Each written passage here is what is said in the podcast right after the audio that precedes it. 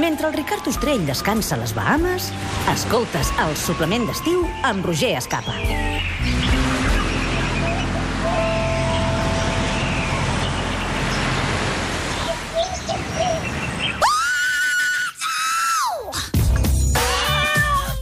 Arnau Tordera presenta... Les pitjors cançons de la història de la música.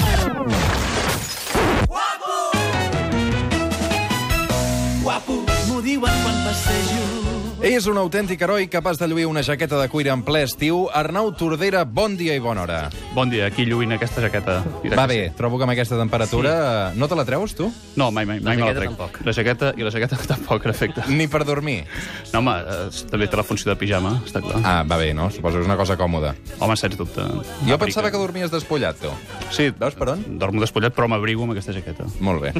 L'Arnau Tordera cada setmana, de fet cada dissabte i diumenge ens acompanya per fer el que ell considera les pitjors cançons de la història de la música. Ens fa llistes musicals i avui, com sempre, també serà molt polèmica, perquè ens vols parlar dels... Bé, ni més ni menys que un dels icones eh, principals del que és el fer cançons, no? des del punt de vista de la creació i l'importància mediàtica als Beatles. Els Beatles, la Exactament. importància mediàtica. Sí, home... O sigui, el que és considerat el millor grup de la història de la música més mediàtic que ha venut 600 milions de còpies, tu l'inclous dins d'aquesta llista musical. Bé, és considerat el millor, el millor grup de música de la història per alguns, no pas per mi en aquest grup. No? és evident que és un, és un grup um, que ha tingut uh, peces extraordinàries, importants, però també ha perpetrat coses absolutament demencials, com aquesta conegudíssima Yellow Submarine. Yellow submarine.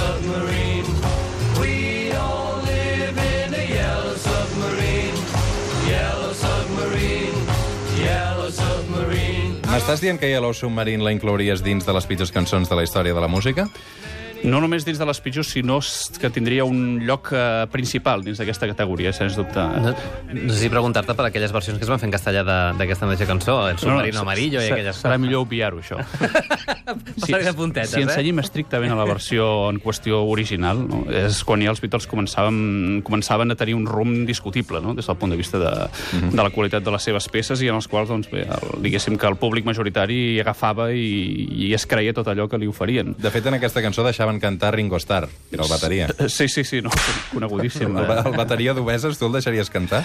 Sí, home, en aquest cas, eh, afortunadament, com tu, un vocalista d'enormes qualitats, no com, malauradament, el bon amic Ringo, no? que, de fet, se- segueix, eh, segueix una carrera avui en dia. Segueix operatiu, segueix sí. operatiu i, i tenint prou èxit, eh, pel que tinc entès. Mm. Sí, sí, sí. Bé, la qüestió de la peça no cal tampoc aprofundir-hi massa. És una peça que parla d'un submarí groc. Eh, Ells desmentien absolutament que estigués relacionat amb el món de les drogues, però uh. -huh. bé, se- segons el mateix McCartney, autor de la peça, aquí va decidir, com bé comentaves, eh, oferir el plaer de cantar-la a Ringo Starr, amb això ja ho dic tot, doncs eh, va dir que estava relacionat amb unes llaminadures que va tastar un dia a Grècia, no? unes llaminadures grogues en forma de submarí. Bé, serà millor que passem a la següent cançó, a la següent cançó Wild Honey Pie. Això és dels Beatles, Tordera? Això és del famosíssim Paul McCartney, en efecte. A veure, puja, puja. Mal de cap, no? Bé, és conegut per tot, és conegut per tothom que la visita dels Beatles a l'Índia doncs, no va portar coses fantàstiques a l'univers musical i en aquest sentit la voluntat de, bé, doncs, de recrear aquell ambient tribal que, que McCartney va escoltar allà eh, va derivar en aquesta peça tan discutible que, que sona de fons. Sí, sí, Però això que sona, què és?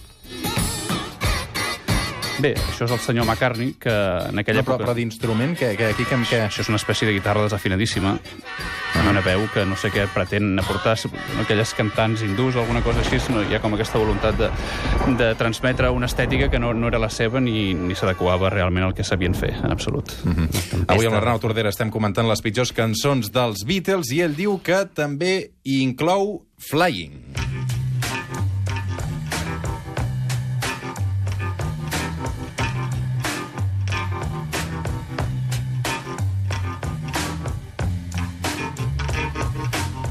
I així tota l'estona? Sí, sí, sí, així durant una bona estona. De fet, aquesta peça, sorprenentment, no és res més que una progressió de blues. És a dir, aquells que tinguin una noció infantil de música sabran que, que un blues és una estructura harmònica, que és repetitiva, no? que, que està construïda a través de, eh, sobretot, tres graus tonals principals. I la peça dels Beatles, eh, gairebé absolutament instrumental, doncs, eh, recorre amb tota la indecència del món a través d'aquests graus sense cap mena de vergonya. I ho van presentar com, com una peça amb, tota, amb totes les La van incloure al disc i van vendre...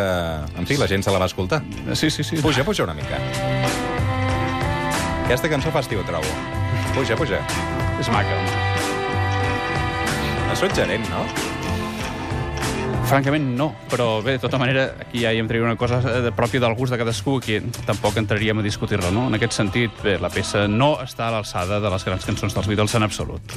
I la que tampoc ho està és la següent que ens vols presentar, que diu... Home, Revolution 9. Això eh, és una cosa inexplicable. Escoltem-la, escoltem un fragment. Perquè la cançó és així, eh? Enrere, com... Bé, això de, Està, està com rebobinada, Sí. no? això de la cançó eh, entraríem en un conflicte important, és a dir, estem parlant d'una època en la qual John Lennon doncs, ja estava molt influenciat per la seva musa asiàtica, i bé, diguéssim que la deriva creativa del seu personatge eh, ens va portar cap a llocs extrems, i aquest és possiblement el major exemple de- d'aquesta deriva absoluta. Això és una peça experimental, o tenia la voluntat de ser-ho, però va acabar esdevenint un desastre majúscul, no?, des del meu punt de vista. La Tu t'has deixat portar mai per la inspiració d'una musa o tu només t'estimes a tu mateix, Arnau? No, no, en efecte, jo només eh, creu a través de la contemplació de muses. Però en aquest cas la musa asiàtica de John Lennon no el va encaminar massa bé, si més no en la creació d'aquesta peça, està clar. Pugem una mica? Una peça molt inquietant, eh, aquesta. Bé, és un pastitx de fragments, eh, una peça gairebé experimental que, de fet, per l'època, eh, als voltants de l'any 68, estaria més relacionada amb l'univers de la del que es va anomenar música clàssica contemporània, gent com Stockhausen i, i, i personatges experimentals d'aquesta tipologia. No sé si, si Lennon tenia la voluntat d'aproximar-s'hi, però en tot cas, des del punt de vista de la consciència d'un creador pop, eh, diguéssim que és una davallada notable. I entre tants èxits, els Beatles també van tenir temps de cantar en alemany.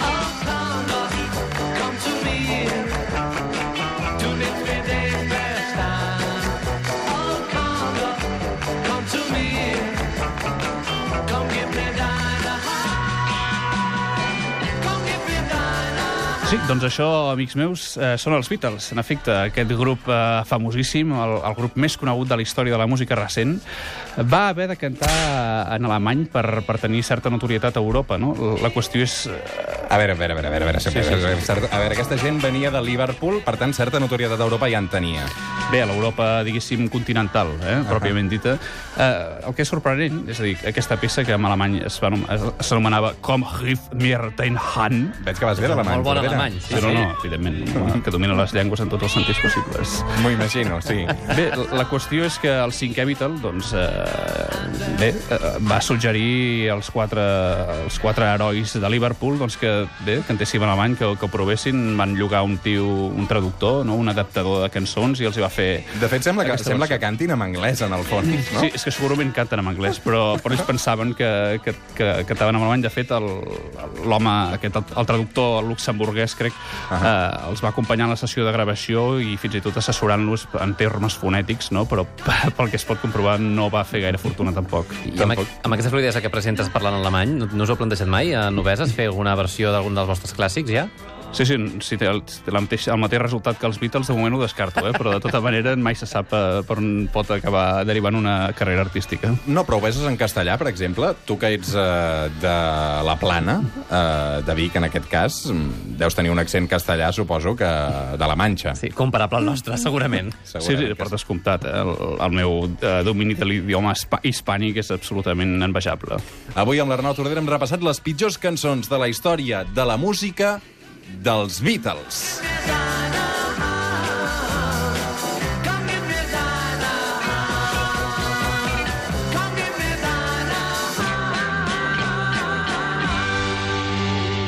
Dissabtes i